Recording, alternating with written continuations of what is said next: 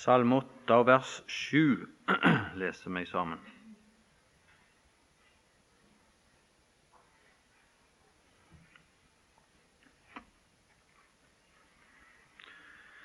Det vi sang i det siste verset av sangen, som står på nummer to, det, det vil i grunnen være ei greie nok overskrift, tror jeg, for det som jeg skal prøve å si litt om og med deg dele tronens glans i evig herlighet. Vi leser dette vers. Du gjorde ham til hersker over dine henders gjerninger. Alt la du under hans føtter. Eh, jeg vil eh, håpe at eh, det som jeg har søkt å lese her, i alle fall kunne bidra til at du som er ung, og som ikke har lest så mye i din bibel til nå, kunne med skjerpa oppmerksomhet lese Det nye testamentet, og slik som Det nye testamentet utlegge og forklare disse gammeltestamentlige steder. Ehm, jeg synes at det for min del eh, tok, tok eh, mange år før jeg, eh, jeg la merke til hvor velvalgte de var det er et svakt ord og kanskje ikke helt passende når en taler om eh, de bibelske skrifter, men, men, på en måte du må gjøre opplevelsen av og få forståelsen for hvor velvalgte de er, de sitat som du finner i Det nye testamentet. Det, det, det, er ikke bare det at det kommer et sitat, og at det liksom sånn måtelig passer. Men det passer ut ifra sin sammenheng ethvert av sitatene som er gjort i Det nye testamentet. Og eh, jeg skal eh, nå ta litt tid, og det skal ikke være så mye, til tre av slike gammeltestamentlige sitat som vi finner i forlengelsen av der vi var borte i Hebreabrevet 2 i går. Jeg skal bare ta dem med. Etter at Salme 8 er sitert, så kommer, kommer det tre andre sitat. Og, eh, og de sitatene de, de, de, passer fullkomment, selvfølgelig i den sammenheng. Det kan vi si, altså, bare fordi det er sitert. Men hvis vi ser det, så, så vil de sitatene yte sitt bidrag til vår forståelse av dette og den glede og innsikt og hjelp og praktiske nytte som det kan gi å kjenne disse sannheter. Altså, der i Hebreerbrevet 2 så um, finner vi at han er steget ned, han er gjort ringere, han er steget ned for å forene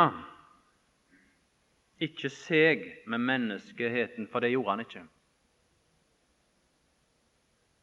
I den forstand. Han ble det annet menneske. Men for å forene oss med seg, så steg han ned. Og så, I tillegg så kommer da denne opplysning. Når han nå har forent oss med seg, så sies dette i det ellevte vers at han skammer seg ikke ved denne forbindelse. Tenk nå de som dette brevet ble skrevet til, så, så vil du kanskje enda klarere skjønne styrken i dette ord, og hva det må ha talt til deg, de som nettopp lei under dette at de var forfulgt, ikke minst av sine landsmenn, fordi de trodde på en Messias som hadde steget ned, som hadde kommet ned, og som hadde litt, og som hadde endt på et kors Og så var det vanære knytta til dette, og skam. Forbandt seg til å bekjenne Hans navn. Men du, han skamma seg ikke. Tenk om han skulle gjøre det. Han, han, han hadde vel et grunnlag for det, hadde han ikke det, kanskje? Men tenk på hvem han er nå. Og så tenkte jeg den nåde som er uttrykt i dette som her sies at nei, det, det skammer ikke han seg for. Den fornedrelse, det var ingen vanære, det var noe å rose seg av, egentlig det. Hvem andre har vist en slik nedstigende kjærlighet som denne personen? Og så, for å belegge dette på et vis, at han anerkjenner oss som brødre, så siteres Salme 22. Skal vi bare slå opp den litt. Der finner vi en lidende person. Der finner vi en som uh, er i bønn, men det er ingen svar. En som, uh, hvis du ser fra begynnelsen av salmen der, en som vender seg uh, og ser tilbake i historien og i det femte verset utover så, så kan han eh, ha dette klart for seg. De ropte før. Det har kommet rop før, men de ble alltid besvart. Og det var ingen som kom til skamme, men her er ikke svar. Her er det en som, som går inn i en lidelse, som, som arter seg annerledes enn alt det som fedrene opplevde, som satte sin lit til Herren. Og her var en som satte sin lit, men ikke fikk svar.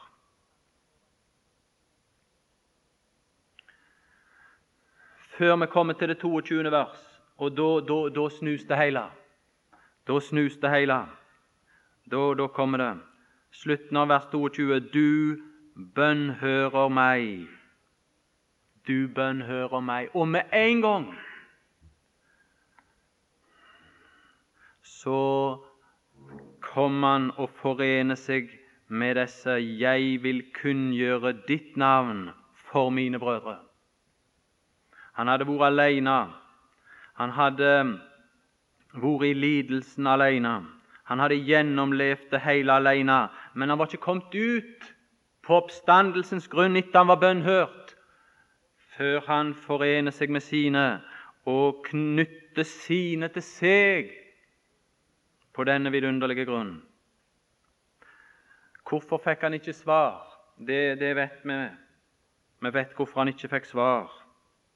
Han hadde denne tanke for seg at han ville bo iblant dem, dette folk. Hvis du ser på det fjerde vers nå Og du er dog hellig, du som troner over Israels lovsanger, står det her i vår oversettelse. Men det, det ordet oversettes oftest i Det gamle testamentet med å bo. Bo blant. Altså, Tanken er den samme, vil jeg mene å, påstå. Så det, det, er dette det er dette som var hele forsoningsdagen. store spørsmål i Israel. Kunne Gud bo iblant dette folk? Vi vet han tronte over nådestolen, så, så det, det kom ut på samme sak. Men du, han hadde et hjerte for å bo iblant disse og forene disse med seg sjøl. Og for å kunne det, så ble han forlatt. For å kunne bo iblant dette folk, så ble han forlatt. Og så måtte han alene gå gjennom dette til bønnhørelsen kom i vers 22, men ikke før er den kommet, før han forener sine med seg. Alt som var imot Gud, kan du si, var i det synder fordømt, og dermed så kunne alt det Gud er, og alt det som er innbefattet i Guds navn, kunne utlegges for disse. Og det gjør han på oppstandelsens grunn.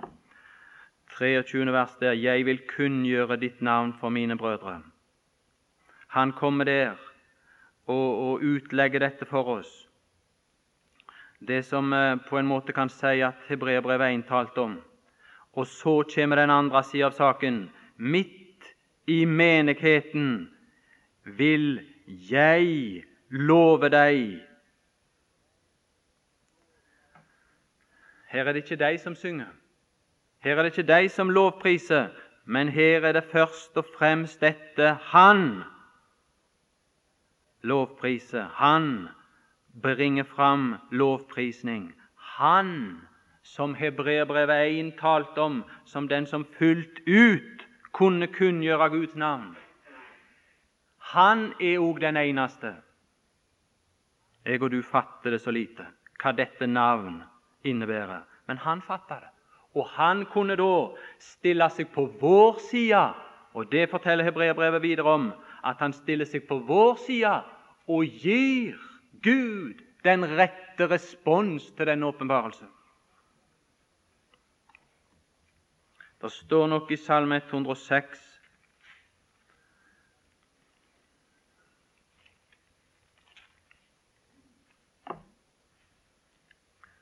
Det andre vers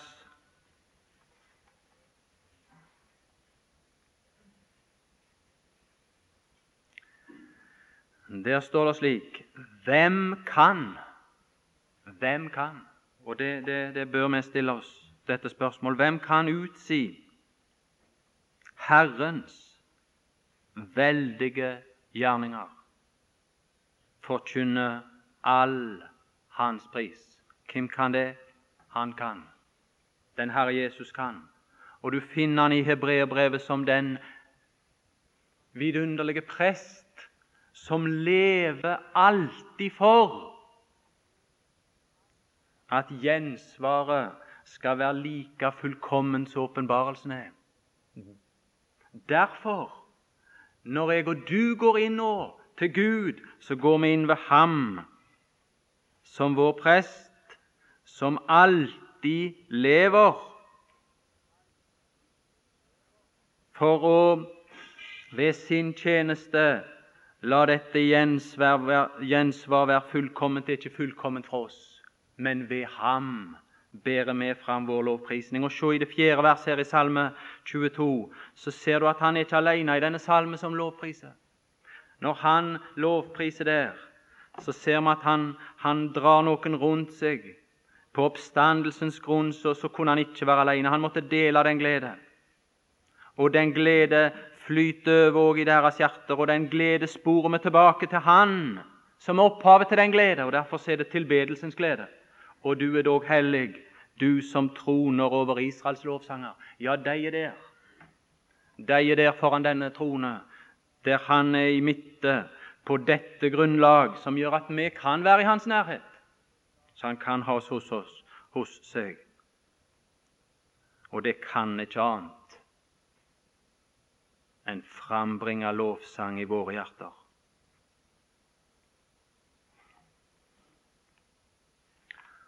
Og så det andre sitat, Esaias 8.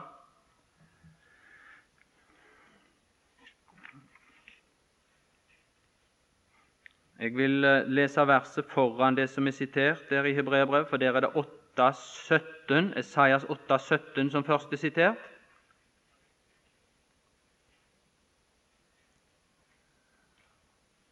og så 8.18 etterpå.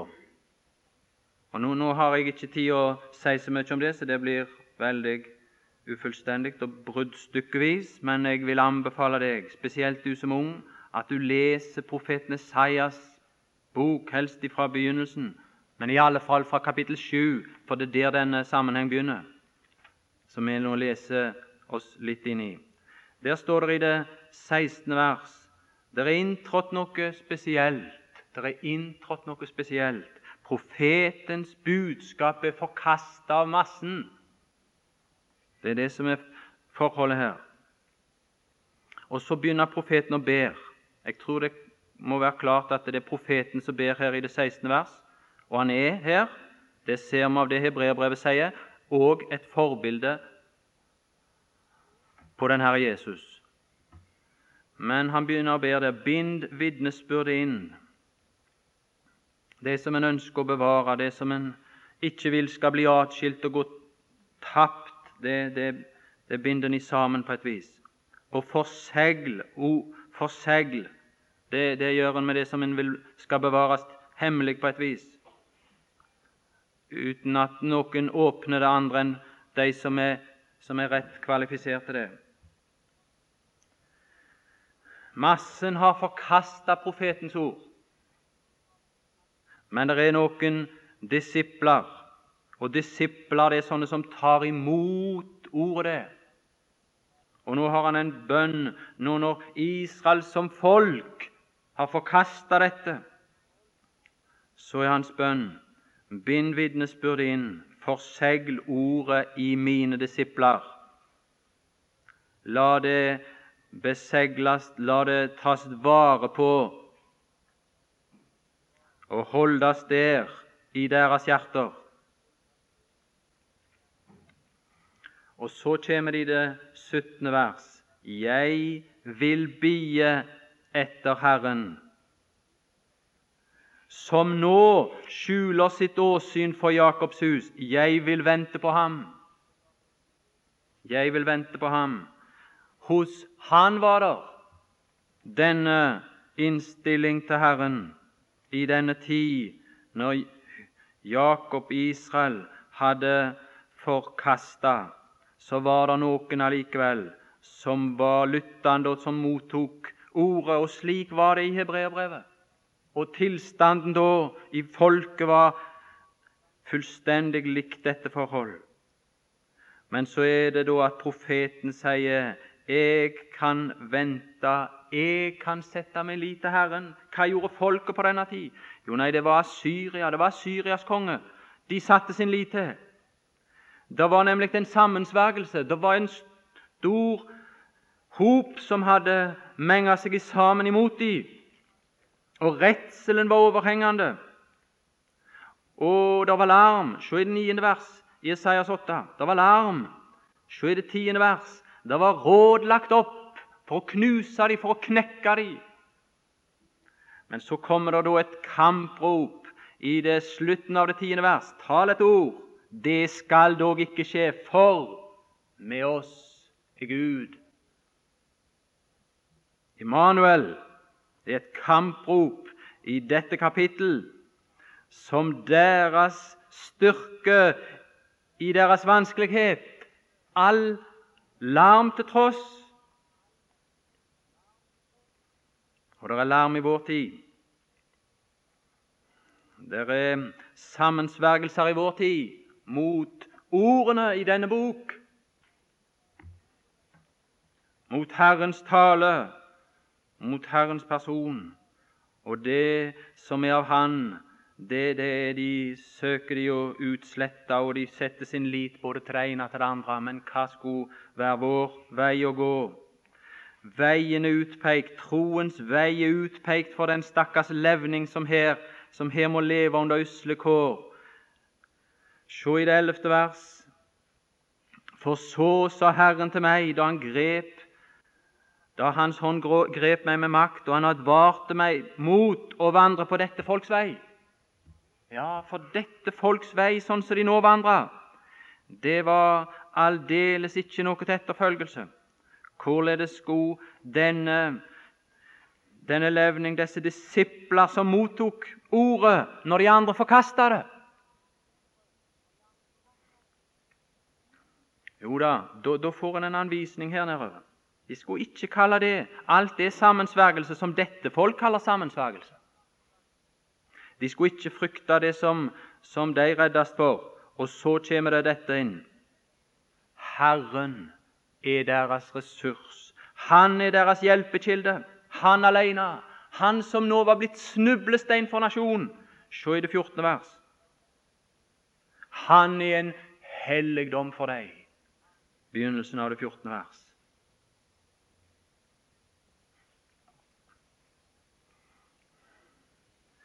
Herren sier dette Jeg vil bie, jeg vil vente. Og så er spørsmålet om jeg og du er i stand til å vente, eller tar vi vår del nå? Hebreerbrevet det viser oss, som vi har allerede blitt minnet om, at Abraham han kunne vente. Han kunne vente. Det var by nok rundt han.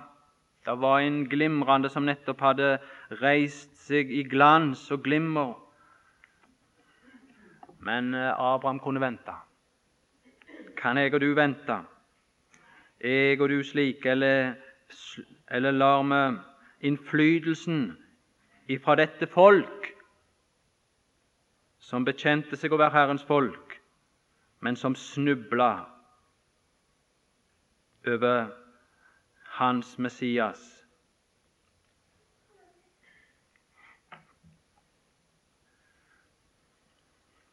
I det 18. vers det tror jeg ikke jeg vil eller kan si så mye om, men uh, der uh, det får du lese og se sjøl, for der, der sies det ingenting om disse barn som han har fått. Men i denne forkastelsestid som det ble, og ventetid som det ble, så fikk allikevel profeten vår, Den Herre Jesus som taler til oss gjennom disse ord ut fra hebreerbrevet. Han fikk noen i denne tid, til tross for at han, nasjonen forkasta han. Han fikk noen. Og det, det er en voldsom trøst. Han fikk noen. Og de navn som disse har, de, de taler sitt spesielle språk.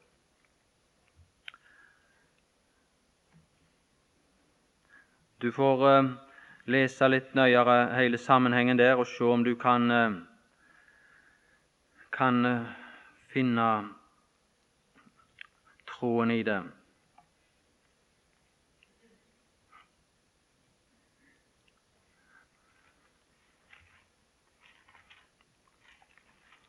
Vi leste her ifra Salme 8-7 i dag. og Hvis vi nå bare et øyeblikk slår over til åpenbaringen, det 19. kapittel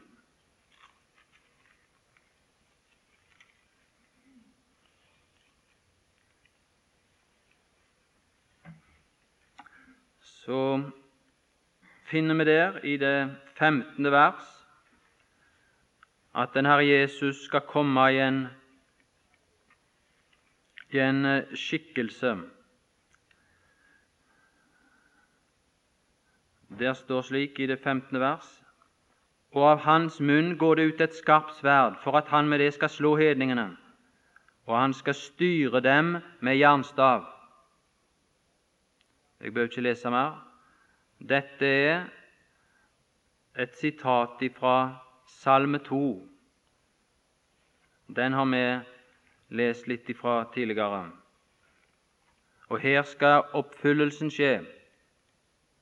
Så kunne vi spørre har vi del i dette. Vi sang her i innledningssangen vår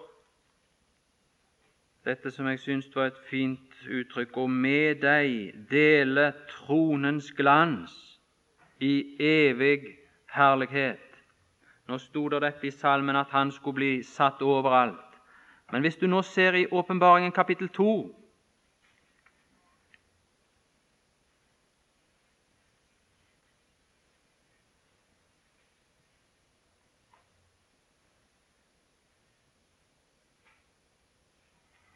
så vil du der se noe som er å legge merke til, og legge merke til med glede i det andre kapittelet, altså i det 26. vers. Der kommer det et ord til den som seirer, og som tar vare på mine gjerninger inntil enden. Og så kommer det Og så kommer det et sitat fra Salme 2. Et som i det 19. kapittel anvendes det omtales eller beskriver den Herre Jesus når han kommer. Men så står det her ham den som seirer, altså, ham vil jeg gi makt over hedningene. Det må bety at når den dag kommer, og den Herre Jesus skal komme i denne karakter og i denne skikkelse, så skal det være noen som skal dele med ham tronens prakt, denne stilling av herredømme på den dag. Og Videre så sies det jo, det, siteres de fra Salme 2 igjen, og han skal styre dem med jernstav osv. han skal dele den plass. Jeg skal komme litt mer til det om et lite øyeblikk. Men eh, jeg vil prøve å, å si en ting til, og det er at i Salme 8, som vi nå har lest ifra, og dette vers som vi nettopp leste derfra, det er som jeg sa, et sitat ifra skapelsesberetningen om det som skjedde på den sjette dag i skapelsen. Og hvis det nå er slik, og for meg er det åpenbart slik, at Salme 8 taler om den kommende dag, den kommende verden, det mener jeg Hebreerbrevet 2 slår fast. Da mener jeg det må være rett, ikke bare at det kan brukes sånn, men det passer gjerne ikke helt. Men jeg mener det må være rett å heve over enhver tvil at det som den sjette dag taler om, det må være nemlig denne kommende verdens tid. Det som vi kaller for tusenårsriket. Og da leser vi jo der dette vidunderlige Vi kan godt slå opp der, 1.28 så står det på den sjette dag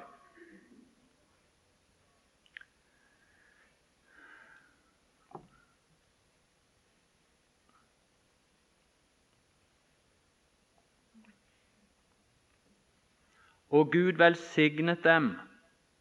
Det er det jeg vil ha tak i. Det er det jeg vil legge litt vekt på. For å ja, det, det er selvfølgelig vidunderlig for oss at han vil dele tronens prakt. Men jeg synes det forteller så mye om han. Ikke som verden gir, gir jeg dere. Og det dreier seg om alt han gir. For han er ikke sånn som verden, at de vel nok kan gi noe Vi sier ofte 'å gi bort'. Jeg trekker det gjerne litt nå, men det, det, det, det er sånn med verden at de kan gi bort. De kan gi en ting som du kan ta med deg og nyte på din plass. Men i en viss forstand er det rett å si tror jeg, at den Herre Jesus han gir aldri bort. Han gir alltid med seg. Han ønsker ved det han gir, og ved alt han deler og deler med. Han søker, når han gir, å føre oss til sin herlighet.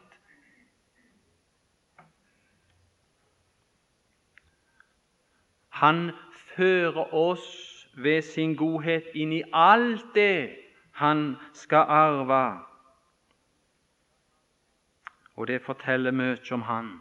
Visste det vidunderlig for oss og nyte en, en, en, en sånn stilling, men du, du, det forteller oss noe om Han, og det forøker vårt samlivs glede med Han å vite at det er sånt Han gir. Han gir ikke noe som du kan ta bort, og så får du nå holde deg på din stilling og plass, men her kan du nå ha litt i din arme fattigdom. Nei, du, han tar oss opp i sin rikdom og har den største glede, han, av å dele den Og Gud velsignet dem, står det. Det var det, det var det, jeg ville understreke. Og det er tydelig her på den sjette dag at han skapte dem til mann og til kvinne. Og Paulus han sier, men jeg tenker hermed på Kristus alene i en plass av herredømme. Og nei, jeg tenker hermed på Kristus og menigheten.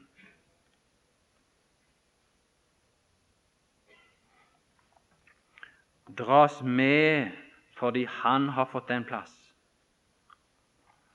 Og Det vil vi nå søke å lese ut fra Efeserbrevet kapittel 1.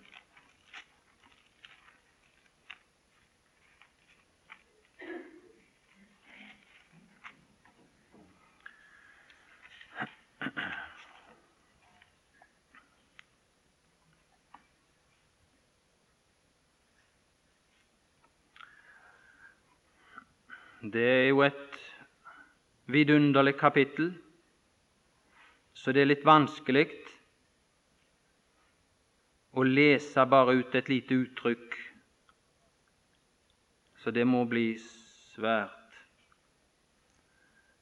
ufullstendig, det jeg nå sier, men jeg, jeg prøver likevel. Se der i det 22. vers.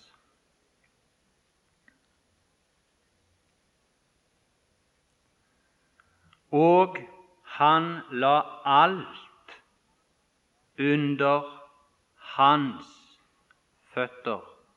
Det er sitat fra Salme 8.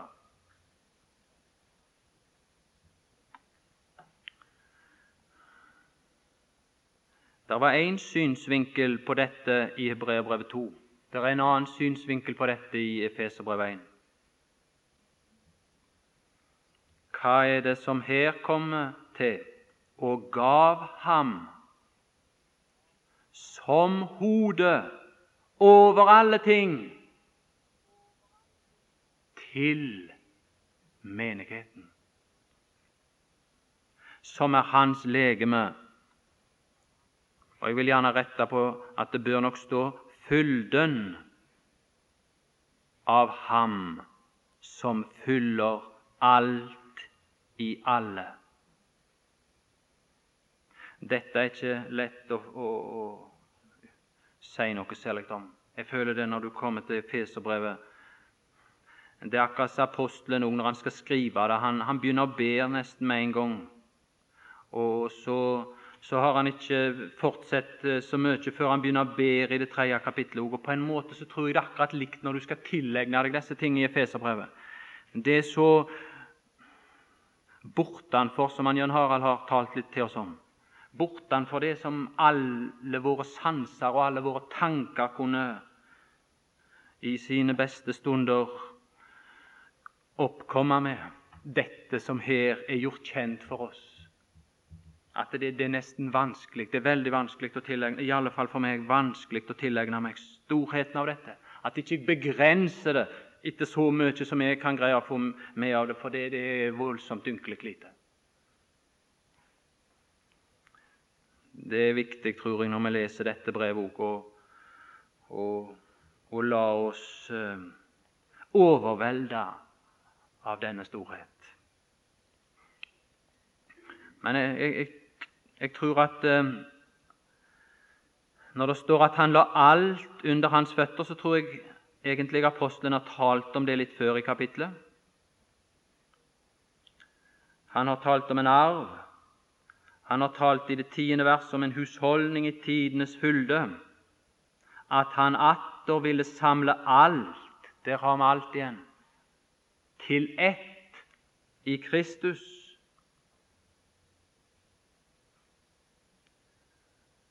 Og så kommer utstrekningen av dette, både det som er i himlene og det som er på jorden. Alt dette skal en dag være i Hans hånd. Alt dette skal en dag skal en dag Han være over, og alt skal ligge under Hans føtter den dag. Allerede så sier det 21. vers at han er satt over. Og der oppregnes en hel del ting der. Han er satt over.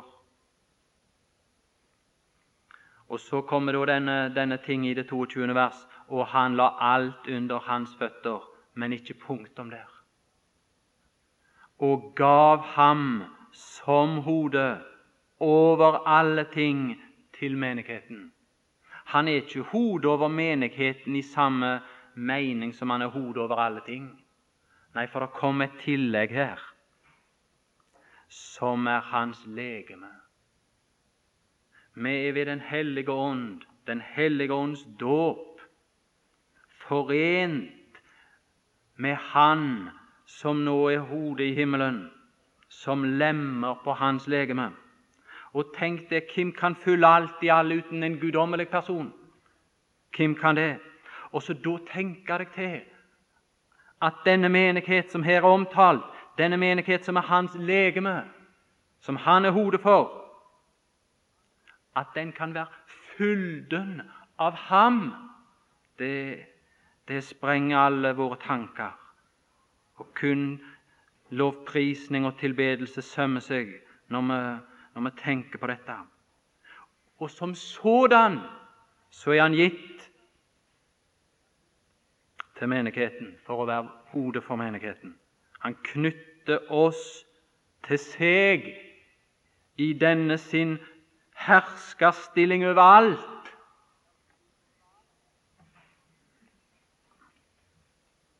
Jeg tror jeg skal forlate dette sted, men jeg synes det, det må du grunne over for din egen del. Det kan ikke jeg utlegge for deg. Men når, når det sies dette og gav ham han så alle ting skal underlegges, så forteller det noe om ressursene til det hodet som er menighetens hode.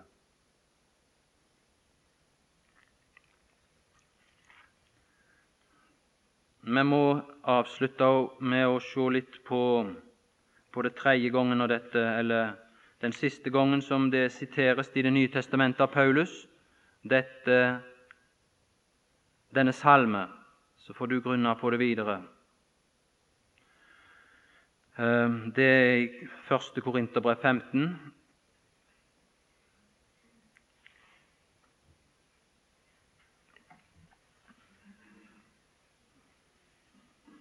Og eh, det er i grunnen ikke bare et munnhell når jeg igjen sier at dette òg er et svært vidløftig, omfattende kapittel i Det nye testamentet.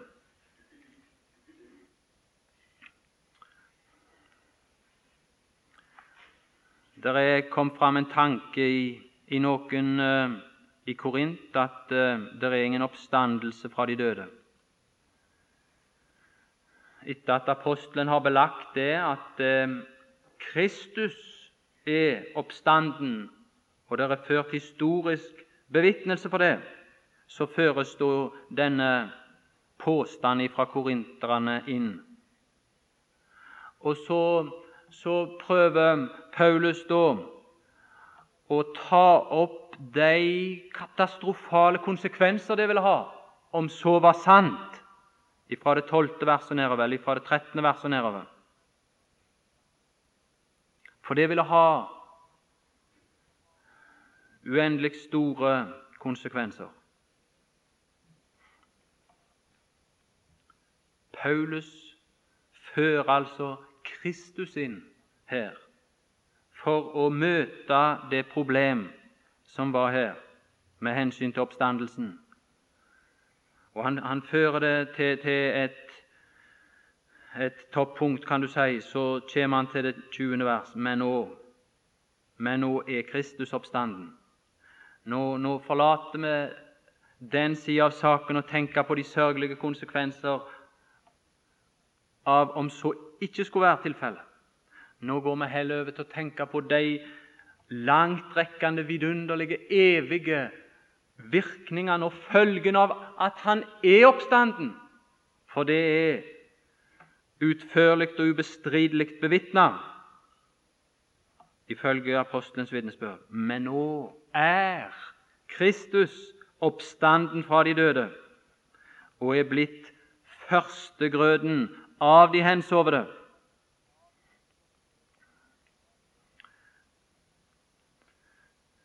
Det er utelukkende de troende som er omtalt her, så langt jeg kan se iallfall.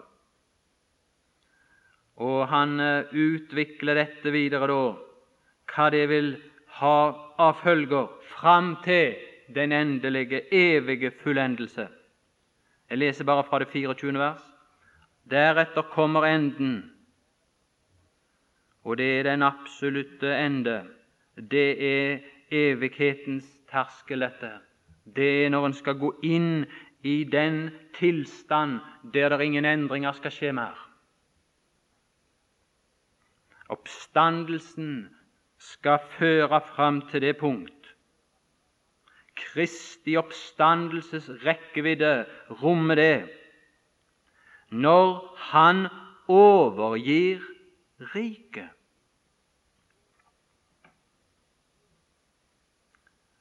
Og det står klart for meg i alle fall at det er dette riket han har tatt som menneskesønn. Han skal overgi det en dag. Det skal komme til en ende, det riket som Salm 8 taler om.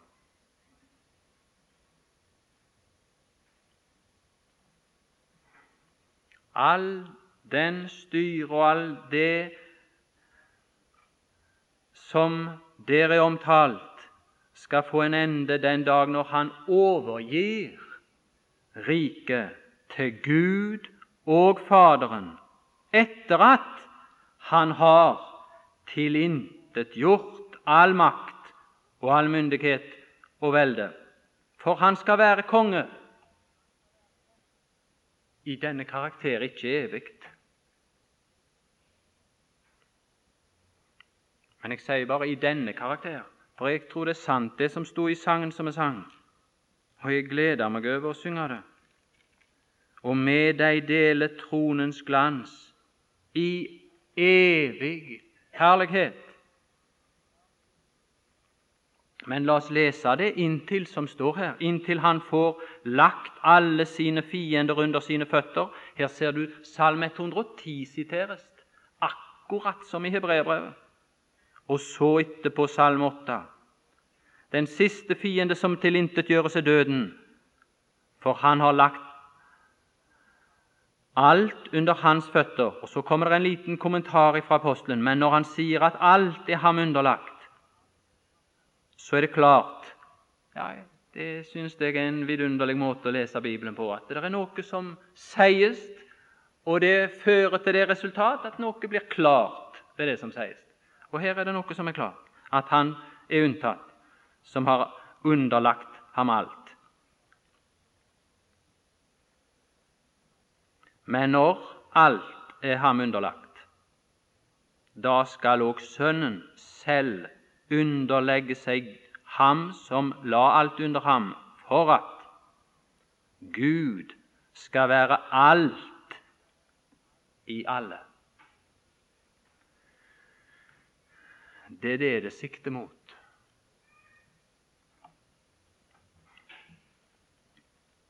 Det er menneskesønnens rike vi har i Salme 8. Og Filippenserbrevet 2 sier at å komme i en menneskeskikkelse, det vil si å, å ta en tjenerskikkelse på seg. det.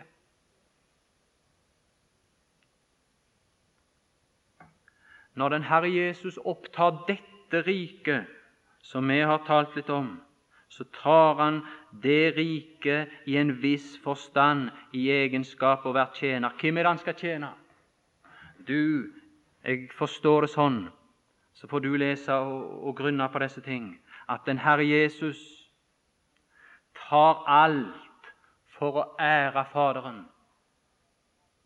for å fremme Hans interesser, for å tilrettelegge for å tilfredsstille Han å bringe inn en tilstand som kan forbli evig, uten forandring, uten at Gud må gripe inn og, og endre på det og det. Sønnen har tatt alt i sine hender for en dag å legge det for Faderen og si her, her er det. Nå har jeg ført det fram til fullendelse. Alt er eviggjort. Alt som er ryddes ut, er rydda ut. Alt som er brakt inn, er brakt inn for å forbli. Alt står nå på en grunn som det evig kan stå på. Sønnen har gjort det.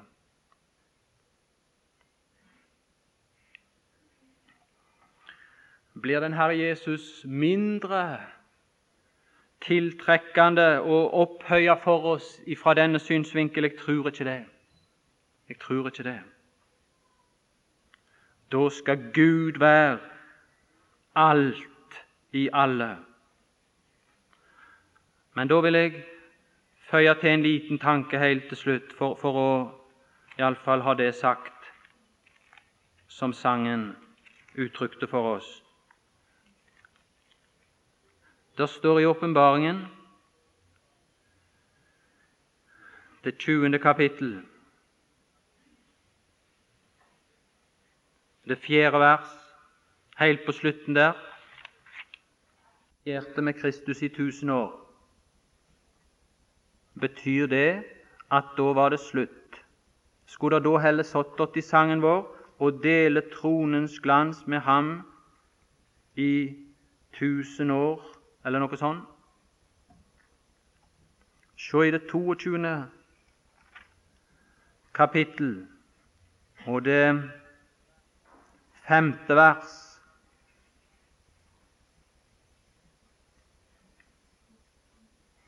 slutten av det. Og de skal regjere i all evighet. Og Det brukes ikke noe sterkere uttrykk i hele åpenbaringen på Guds eksistens, på alt som skal vedbli og fortsette i all evighet.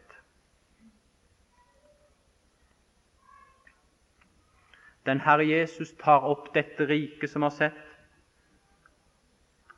og når han har fullført hensikten med det, så legger han det for Faderen, og så overgir han det. Men skal han dermed slutte å herske i enhver forstand? Aldeles ikke. Du vil se at denne stad som åpenbaringen taler, den har en trone. Og hva heter den trone? Se 22.1. Guds og lammets trone. Guds og lammets trone. Det skal den karakteriseres av i all evighet.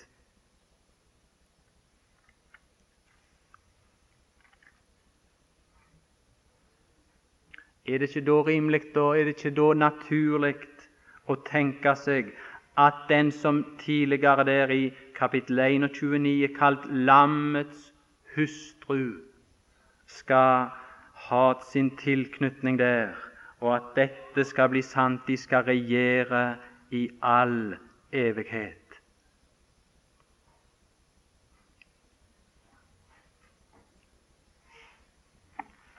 Helt til slutt Matteus 20. Ja, jeg skulle ha sagt et, ja. Noen kunne si at vel,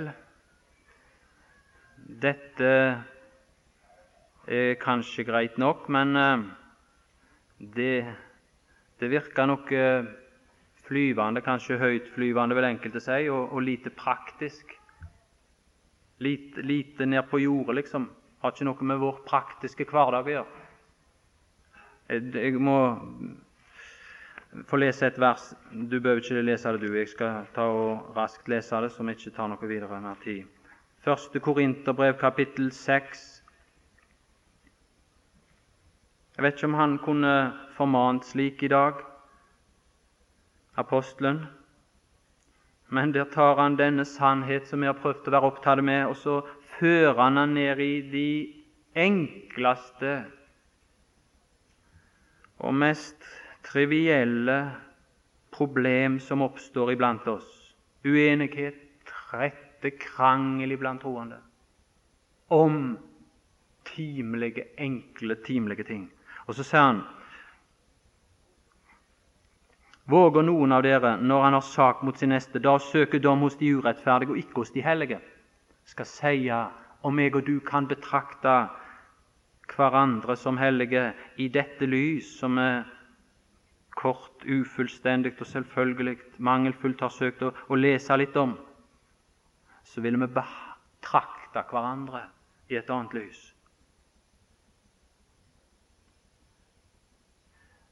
Det er ikke kun en sånn gold kunnskap dette måtte bli for oss, men lyset av det måtte skinne inn i våre hjerter, sånn at det fikk betydning for hvordan vi vurderte hverandre. Neste, nei, nå leser jeg for deg. Neste vers. Eller vet dere ikke at de hellige skal dømme verden, kalles verdighet. Ikler ikke apostelen sjøl de mest uåndelige iblant de hellige i Korint når han sier det på denne måten. Og dersom verden blir dømt ved dere, er dere da uverdige til å dømme i de ringeste saker? Nei, du, disse, denne sannhet skulle få betydning for de ringeste saker i så måte. Og så kommer det til og med dette Vet dere ikke at dere skal dømme engler? Hvor meget mere da i timelige ting? Helt på slutten da i Matteus 20 skal det bare bli veldig kort. Det er nemlig en utdannelse for å innta denne plass, og det er i grunnen det på en måte Håkon har uh, talt en del om til oss. I det tolvte kapittel er det snakk om disiplin, det, eller tukt, og det har i seg både disiplin, selvfølgelig, men òg utdannelse. Det langsiktige perspektiv som bringes inn der. Og, og Her forteller den Herre Jesus om noe som vi skulle lære når det gjaldt. Om vi skal kunne ha lært noe som skal utdanne oss for å være delaktige i Hans styre, så må vi jo vite hvordan Han hersker. Og Da sier den Herre Jesus noe som jeg iallfall bare vil legge inn over oss uten å si noe videre om det. 20-25, Matteus. Men Jesus kalte dem til seg og sa de hadde nemlig oppe for her hørt noe om to av disse disiplene som hadde fått en sånn en, uh, kjødelig interesse noe i dette riket som vi har talt om. Og det kan lett bli for oss òg, det. Tar vi det hele sannheten opp på en kjødelig måte, så Men så hørte de andre det, og da, da sto det at de ble harme. De ble harme, og Da viste de at de var egentlig av samme ånd, de òg. Men så kaller han de til seg for å undervise dem om dette, og så sa han dere vet at fyrstene hersker over sine folk, og dere stormenn bruker makt over dem. Så skal det ikke være blant dere, men den som vil bli stor iblant dere, han skal være eders tjener. Eders tjener. Og den som vil være den første blant dere, han skal være deres trell. Altså tjeneste er veien til å herske her. Og skulle en få en herskerposisjon, så skulle det være for å gi ytterligere større anledning til å tjene. Like som menneskesønnen ikke er kommet for å la seg tjene, men for selv å tjene og gi sitt liv til løsepenger for mange. Herre Jesus, jeg ber om at disse spredte tanker og mange ord som har lest med hverandre, kanskje ved Den hellige ånd, kunne feste seg hos oss hver og en, og at en i velvillighet kunne ta det opp og grunne på det i stillhet. Det ber jeg om for din skyld og til gagn for oss. Amen.